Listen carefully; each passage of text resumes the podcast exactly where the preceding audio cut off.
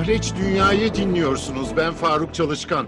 Libya, Türkiye ile her devirde yakın bağları olan bir Kuzey Afrika ülkesi. 2011'de Arap Baharı orada statükoyu değiştirdi. 1969'dan beri ülkeyi bir dikta rejimi içinde yöneten Muammer Kaddafi devrildi. O zamandan beri bir türlü istikrar gelmedi ülkeye. İki safhada iç savaş yaşandı. Son iç savaş biterken ülkenin nasıl yönetileceği Birleşmiş Milletler'in ara buluculuğuyla belirlenmeye çalışılıyor. İsviçre'de Cenevre yakınlarında bir meclis kuruldu ve ülkenin bu geçiş dönemini yönetecek kişilerin seçilmesi sancılı da olsa gerçekleşti. Şimdi Libya'da Trablus'taki Anadolu Ajansı muhabiri Mücahit Aydemir'le İsviçre'deki toplantıları izleyen Cenevre muhabiri Bayram Altuğ katılıyor bu haftaki Mahreç Dünya'ya. Önce İsviçre'den Bayram Altuğ ile başlıyoruz. Kimler seçildi sonucu anlatır mısın? Merhabalar. E, Libya'da geçici yönetimin başkanlığına Muhammed Menfi, Başbakanlığa Abdülhamit e, Dibeyde seçildi. Bu sürece nasıl geldik? Kısaca bununla ilgili bilgi vermek istiyorum. 3 Şubat 2020'de Birleşmiş Milletler Libya krizine çözüm bulmak amacıyla 5 artı 5 formatındaki askeri e, komite toplantılarını Cenevre'de başlattı. Bu e, Libya'daki iç savaşa son vermek için Cenevre'de atılan ilk adımdı. Daha sonra Birleşmiş Milletler'in dönemin e, Libya özel temsilcisi Gassan Saleme ateşkes amaçlı Libya'da konulu siyasi müzakerelerin 26 Şubat'ta 2020'de Cenevre'de başlayacağını bildirdi. Bu da siyasi müzakereler için atılan ilk adımdı. Daha sonra bu görüşmeler başarısızlıkla sonuçlandı ve Selame istifa etmek zorunda kaldı. E, çünkü kendisi yumuşak bir diplomattı daha tırnak içerisinde. Pek etkili olamadığını düşündü taraflar üzerinde. O yüzden e, istifa etme yolunu seçti. Selame istifa ettikten sonra yerine Birleşmiş Milletler e, Libya Özel Temsilcisi yardımcısı yani Selame'nin yardımcısı Stephanie Williams geldi. İşte her şey o zaman başlamış fakat biz bunun şimdi farkına varıyoruz. O süreç şu an düne geldiğimiz süreç tam da o zaman başladı. Stephanie Williams göreve başladıktan sonra. Ee, yaklaşık dört buçuk yıldır e, Cenevre'de Suriye görüşmeleri, Yemen görüşmeleri, Kıbrıs görüşmeleri olmak üzere pek çok uluslararası görüşmeye tanıklık ettik burada. Fakat e, Libya görüşmelerinde onlardan biri olduğunu düşündük. Çünkü bu görüşmelerin, bahsettiğim görüşmelerin çoğu sonuçsuz kalmıştı. E, bir e, e, somut hiçbir e, ilerleme kaydedilememişti. Fakat e, Libya görüşmelerinde de e, bir umut olduğuna dair kimsede bir işaret yoktu. Buradaki en azından Cenevre'deki uluslararası medya temsilciler arasında. Fakat e, öyle bir noktaya gelindi ki hiç kimsenin ummadığı bir şey oldu. 23 Ekim 2020'de e, Cenevre'de sıradan bir gündü. E, Birleşmiş Milletler'in Cenevre ofisi e, Twitter hesabında bir paylaşım yaptı ve Libya'da tarafların barış anlaşmasına vardığını ilan etti ki bu e, çok garip bir durumdu İsviçre'deki Cenevre'deki gazeteciler için çünkü normalde ilk bilgi bize gelmesi gerekiyordu. Burada biz hepimiz şok olduk 23 e, Ekim'de. 5 artı 5 Ortak Askeri Komite toplantılarının dördüncü turunda olmuştu bu açıklama.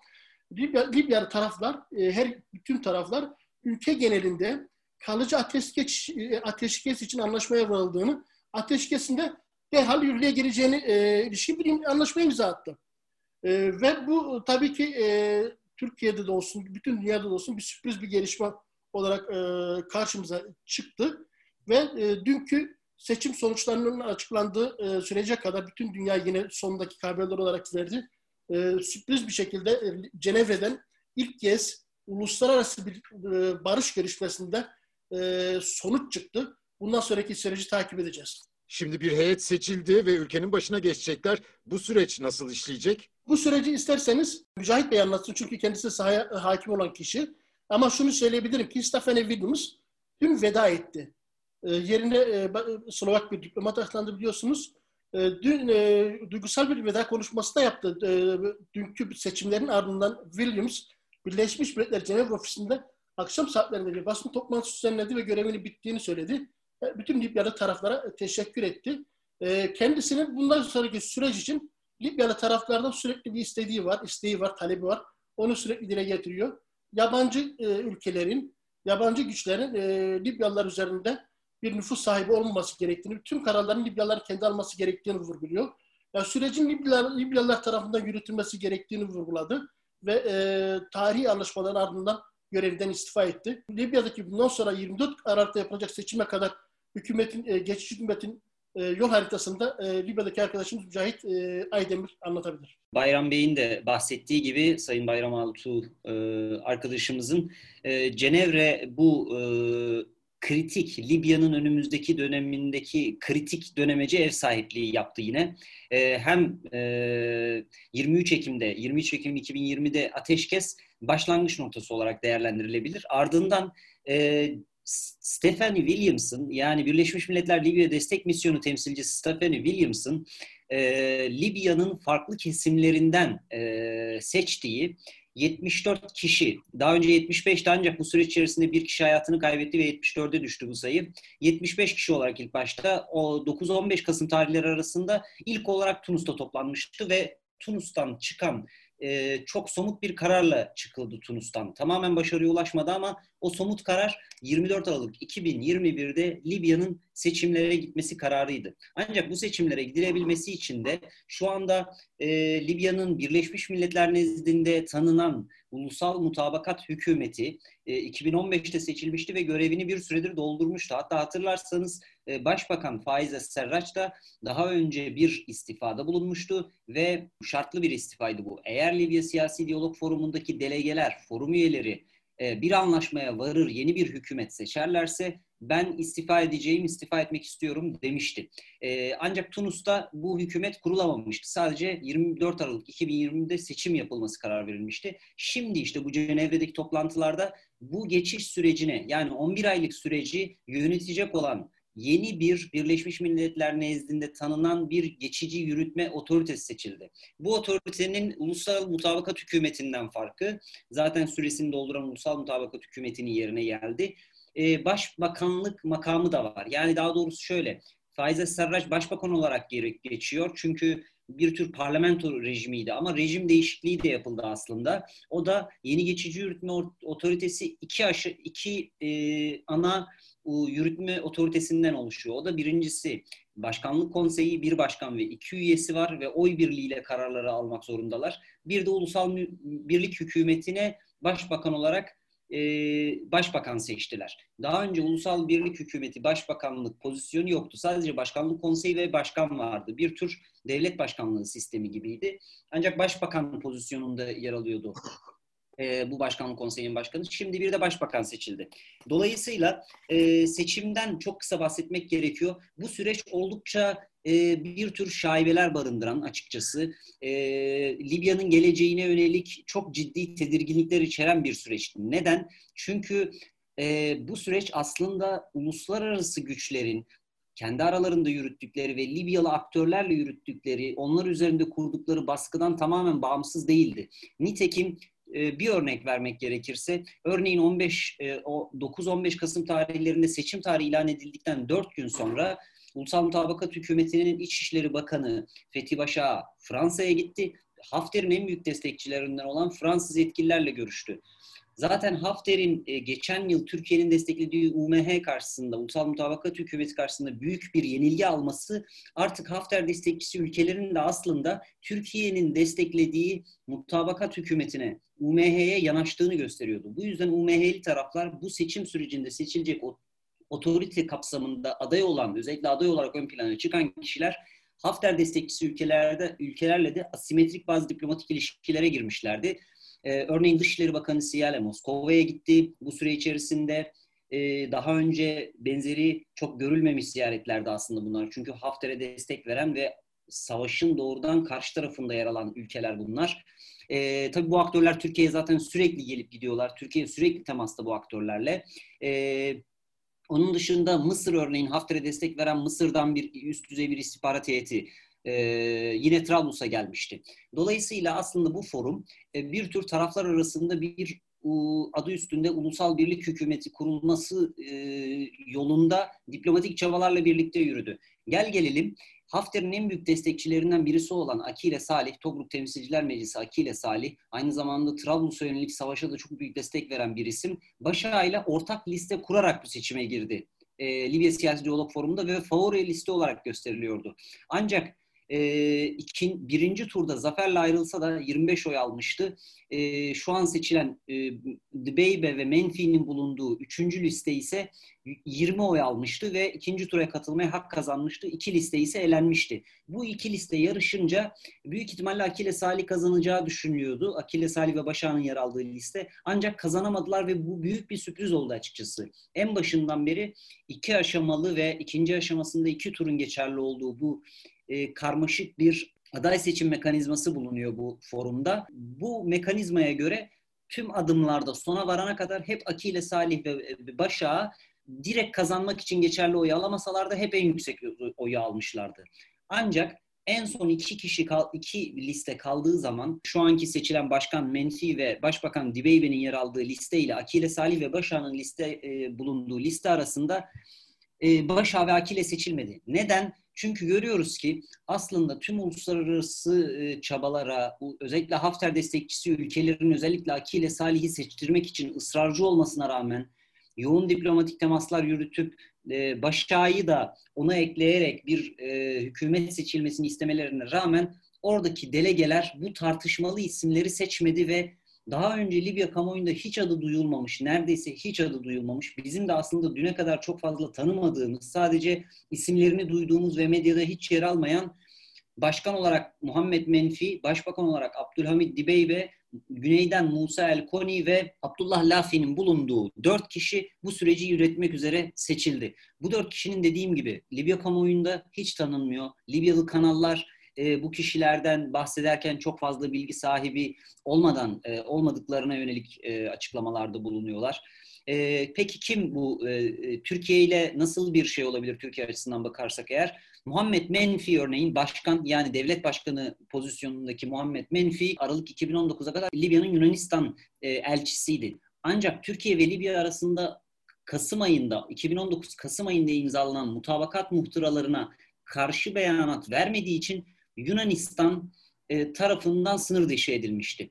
Ve bu açıdan aslında e, Türkiye için olumlu bir isim olarak değerlendirilebilir. Çünkü Türkiye'ye karşı pozisyon almayı reddetmişti e, ve bu yüzden makamından olmuştu. Elçilik makamından olmuştu ve sınır dışı edilmişti Libya'dan. Şu anda bu elçi Libya'nın başkanı durumunda. Başbakan'a geçersek ki biz dün Başbakanı ilk gören, ilk temas kuran gazeteci olarak e, çalışma ofisindeydik. Kazandığı saatlerde e, çalışma ofisinde kendisini karşıladık, tebrik ettik ve görüşme fırsatımız oldu. Kısaca da olsa çünkü Birleşmiş Milletler'le yürüttüğü temaslar vardı. Kabinesine girmesi muhtemel bazı e, kişilerle en yakın, e, ona en yakın kişilerle görüşme fırsatımız oldu çalışma ofisinde. Şu an Başbakan e, Abdülhamit Bey ve ülkenin nüfuzlu iş adamlarından birisi. Pek çok önde gelen projeye, altyapı projelerinin öncülüğünü yapan büyük bir inşaat firmasının ve yapı firmasının e, sahibi konumunda bir iş adamı. Daha önce siyasete girmemiş bir isim. Yani bu yeni oluşum aslında tanınmamış isimlerden, yıpranmamış isimlerden oluşuyor.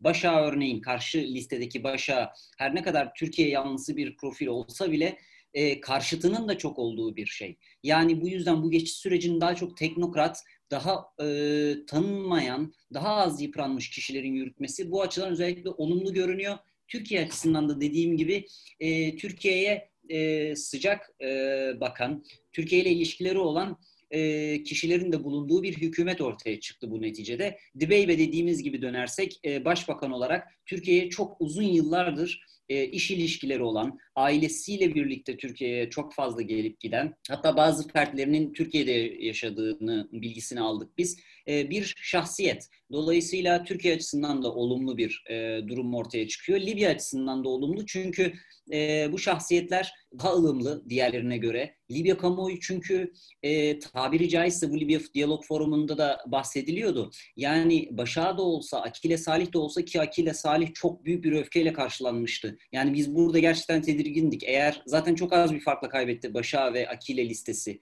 Başa'nın ve Akile'nin yer aldığı liste 34 oy aldı e, bu seçilen Dbeybe ve Menfi'nin yer aldığı liste ise 39 oy almıştı. Çok başa baş ve heyecanlı bir yarışmaydı açıkçası biz canlı izlediğimizde. Ve Libya halkı aslında bu eski isimlerden aslında kurtulmak istiyordu. Ee, biz böyle hissediyorduk. Özellikle Akile Salih'in Trablus'a girebileceğini, başkent Trablus'a adım atabileceğini açıkçası ben şahsen tahayyül edemiyordum. Çünkü doğuda tüm ülkenin karışmasına, krize sürüklenmesine, şiddet sarmasına, boğulmasına neden olan Hafter saldırılarına en büyük destek veren siyasi müttefik durumundaydı. Evet bu hatasını kabul etmişti aslında. Libya Siyasi Diyalog Forumu'nda adaylık sürecinde bu soru kendisine sorulmuştu ve o da demişti ki hiçbir insan hatadan münezzeh değildir. Biz geçmişin sayfasını kapatıp önümüze bakacağız. Libyalıları bir araya getireceğiz. Ama tabii bu Libyalılara güven vermiyor bu açıklama. Hata dediği şey yüzünden Libya'da Binlerce insan hayatını kaybetti. Yüz binlerce Libyalı yerinden oldu. Özellikle doğudaki Hafter bölgesindeki bölgeden yerinden oldu.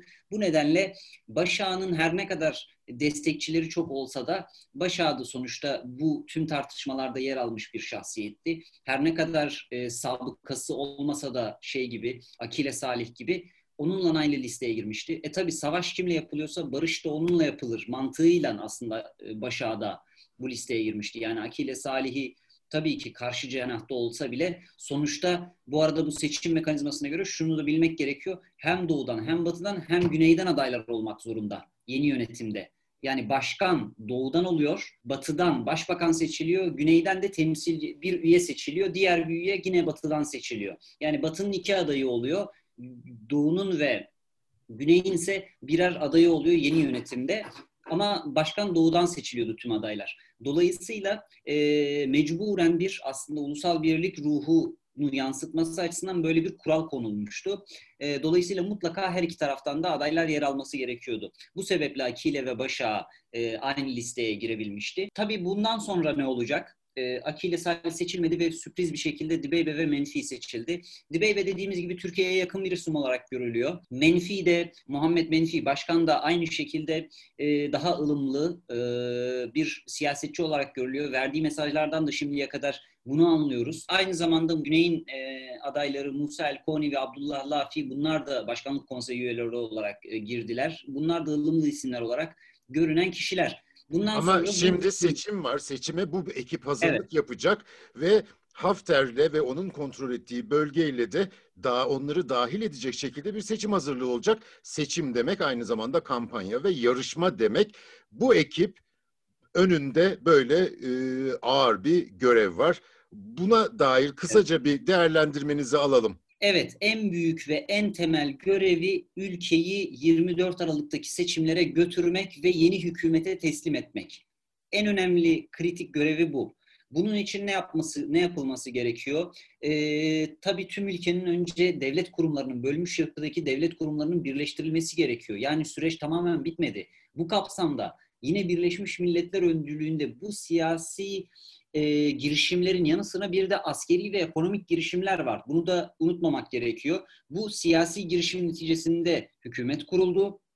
Ancak bir de 5 artı 5 e, Bayram Bey'in bahsettiği gibi 5 artı 5 askeri komisyonun komitesinin ve e, ekonomi alanında pek çok devlet kurumunun, bölünmüş haldeki devlet kurumunun birleştirilmesi için süren görüşmeler var. Şu anda Hafter kontrolündeki bölgenin yeni hükümete teslim etmesi gerekiyor tüm bu devlet kurumlarını. Bu sağlanacak mı? Bir. İkincisi Rusya'nın desteklediği paralı askerleriyle bulunduğu doğudaki işgal ettiği bölgelerden paralı askerler çekilecek mi? Bu da ayrı önemli bir konu. Yani ülkenin şu anki pozisyonda baktığımız zaman ülkenin Sirte, Sirte ve doğusundaki bölümünde Rusya'nın paralı askerleriyle destekli Hafter güçlerinin kontrolünde, doğusu meşru hükümetin kontrolünde. Yani bu ülke fiziki olarak, askeri olarak birleşmediği müddetçe yeni seçimlere gidilmesinin şeffaf ve demokratik bir ortamda mümkün değil böyle bir ortam sağlanmadan. Şu an için mümkün görünmüyor. Ancak Birleşmiş Milletler'in buradaki rolü bitmiş değil. E, nitekim iki gün önce Birleşmiş Milletler'den yapılan açıklamada e, ülkeye tarafsız, silahsız e, ve üniformasız e, ateşkesin e, sağlanmasını denetleyecek bir e, misyon gönderilmesi talep edilmişti. Böyle bir şey şu an konuşuluyor. Gönderilebilir gö- gönderilmesi planlanıyor Libya'ya. Ancak burada e, Hafter'in elbette artık oyundan devre dışı kalması gerektiğini görüyoruz biz burada. Şimdi Akile Salih e, tabii seçilmedi. Ne yapacak? Bu vaadine uyacak mı? Çünkü bu adaylar aday oldukları zaman seçilmesi ihtimali olan tüm adaylar e, bir söz vermişlerdi. Demişlerdi ki biz her ne sonuç çıkarsa çıksın yeni hükümeti destekleyeceğiz. Buradan çıkan tüm kararlara saygı duyacağız ve seçimleri kabul edeceğiz demişlerdi. Akile Salih bu sözünde duracak mı? Bu da önemli bir şey. Hafter buna uyacak mı? Bu da önemli. Örneğin dün Anadolu Ajansı muhabiri Bayram Altuğ Bey de e, Stephanie Williams'a önemli bir soru sormuştu. Siz Hafter'den buradan çıkacak sonucu uyacağına dair kesin garanti aldınız mı şeklinde bir sorusu vardı. Ve Stephanie Williams evet Hafter'le bizzat görüşerek bu siyasi süreci desteklediğine dair ifade aldım demişti Stephanie Williams. Böyle bir şey, böyle bir cevap vermişti. Bu çok kritik bir soruydu Bayram Bey'in sorduğu soru. Çünkü Hafter bu sözü verdi ama biz Hafter'i tanı, tanıdığımız kadarıyla son yıllara bakarsak tüm siyasi diyalog çabalarından Hafter her zaman çekilen veya ya da anlaşmayı imzaladıysa o anlaşmayı ihlal eden taraf olmuştu şimdiye kadar. Bu istisnasız böyle oldu. Gerek Moskova'da imzalanan ateşkesten oradan e, imzalamadan ayrılmıştı. O kadar e, girişime rağmen. Aynı şekilde Buznika'da, Fas'ta Buznika'da yapılan görüşmeleri tanımamıştı. Paris'te toplantılar olmuştu, tanımamıştı. Yani pek çok girişimden her zaman ayrılan ve savaşına devam eden taraf Hafter olmuştu ta ki yenilene kadar. En son aldığı yenilgiden sonra artık kendi tarafına çekildi ve bu siyasi diyalog süreci başladı. Şimdi buna uyacak mı? Onu bekleyip göreceğiz. Ama esas olarak karar aslında tamamen onun elinde de değil, Rusya'nın elinde de diyebiliriz. Çünkü sahaya hakim olan, inisiyatifi ele alan ülke Rusya. Rusya saygı duyduğunu açıklamıştı, desteklediğini açıklamıştı bu Libya Siyasi Diyalog Forumu'nu. Ancak e, bunu acaba gerçekten e, onaylayacak mı, onaylamayacak mı bunu göreceği 5 artı 5 görüşmeleri kapsamında işte şu an Sirte'de toplantılar e, oluyor zaman zaman görüşmeleri devam ediyor tarafların gerek basına açık veya kapalı bir şekilde. Oradan ne sonuç çıkacağı da oldukça kritik. Yani askeri gelişmelerde ülkenin fiziki olarak e, bölünmesi eğer ortadan kalkması da bu seçimlere gidilmesinde çok önemli. Yeni hükümetin bunu tek başına Hafter'e dayatabilmesi çok da mümkün değil gerçekçi bakmak gerekirse. Burada uluslararası bir iradenin de ortaya konması gerekiyor elbette. Hafter'e destek veren Fransa, Mısır, Rusya gibi ülkelerin burada e, muhtemelen kendi çıkarlarını gözeterek ancak bir Hafter'den vazgeçmeleri söz konusu olabilir. Nitekim dediğimiz gibi daha önce e, Libya'nın meşru hükümetiyle bu ülkeler, Hafter'e destek veren ülkeler sürekli temas halindeydi son dönemde. Bu temaslar neticesinde belki onların çıkarlarına yönelik de bir takım garantiler verilirse muhtemelen diyelim Hafter'den vazgeçmeleri ve Libya'nın artık e, daha nezih bir ortamda, istikrarlı bir ortamda seçimlere gidip artık e, belki nihai olarak en iyi senaryoda, umutlu bakacak olursak senaryoda 24 Aralık'ta seçimlere gidip artık bir istikrara kavuşması belki mümkün olabilir. Evet kapatmadan e, Cenevre'den Bayram Altuğ'a dönüyorum. E, son ekleyeceğiniz bir şey var mı? Evet e, dünkü seçim sonuçları Mücahit Bey'in de aktardığı gibi Hafter'i destekleyen ülkeler açısından tam bir e, şok oldu. Akile Salih'in e, başkanlığa seçilememesi yani dördüncü listenin e, başkanlık e, seçimi kaybetmesi e, burada e, ki Arap buradaki Arap gazetecilere sorduk bunu de, değerlendirmelerini sorduk. E, bu sabah görüştüm e, Birleşmiş Milletler Cenevre Ofisi'nde görevli çok tecrübeli bir Arap gazetecisi gazeteci şunlar aktardı. E, bu e, sonuçlar aslında dedi Birleşik Arap Emirlikleri, Mısır e, ve e, Fransa için e, Libya'ya e, Libya'da hüküm kurma, Libya'da hüküm kurmak isteyen bu ülkeler için tam bir acı darbe oldu dedi. Akile Salih'in yenilgisi e, Libya halkının e, şiddete ve e, darbecilere, savaş suçu işleyenlere prim e, tanımadığını, e, bir nevi bunun yansıması olduğunu söyledi. Türkiye açısından da sonuçların oldukça olumlu olduğunu söyledi. E, Türkiye Libya'da eskisinden daha güçlü olduğunu, e, artık elinin daha da kuvvetli olduğunu e, söyledi. Artık bundan sonraki sürecin de başka bir gazeteci de bundan sonraki sürecin e, kırılgan olduğunu ülkede Hafter taraftarlarının kaos çıkarmak isteyebileceklerini hatta suikastler yoluyla bu barış sürecini baltalamak isteyeceklerini aktardı. O yüzden şu andaki hükümetin önünde dikenli bir yol olduğunu söyledi. bu şekilde Arap basınındaki ilk tepkiler bu dünkü seçim sonuçlarının Türkiye açısından olumlu fakat Hafter destekçisi, Hafter'e destek veren ülkeler açısından oldukça sıkıntılı olduğu e, konusunda hemfikirler. İsviçre'den Bayram Altuğ'a, Libya'dan Mücahit Aydemir'e teşekkür ediyorum. Mahreç Dünya bu haftalık bu kadar. Hoşçakalın.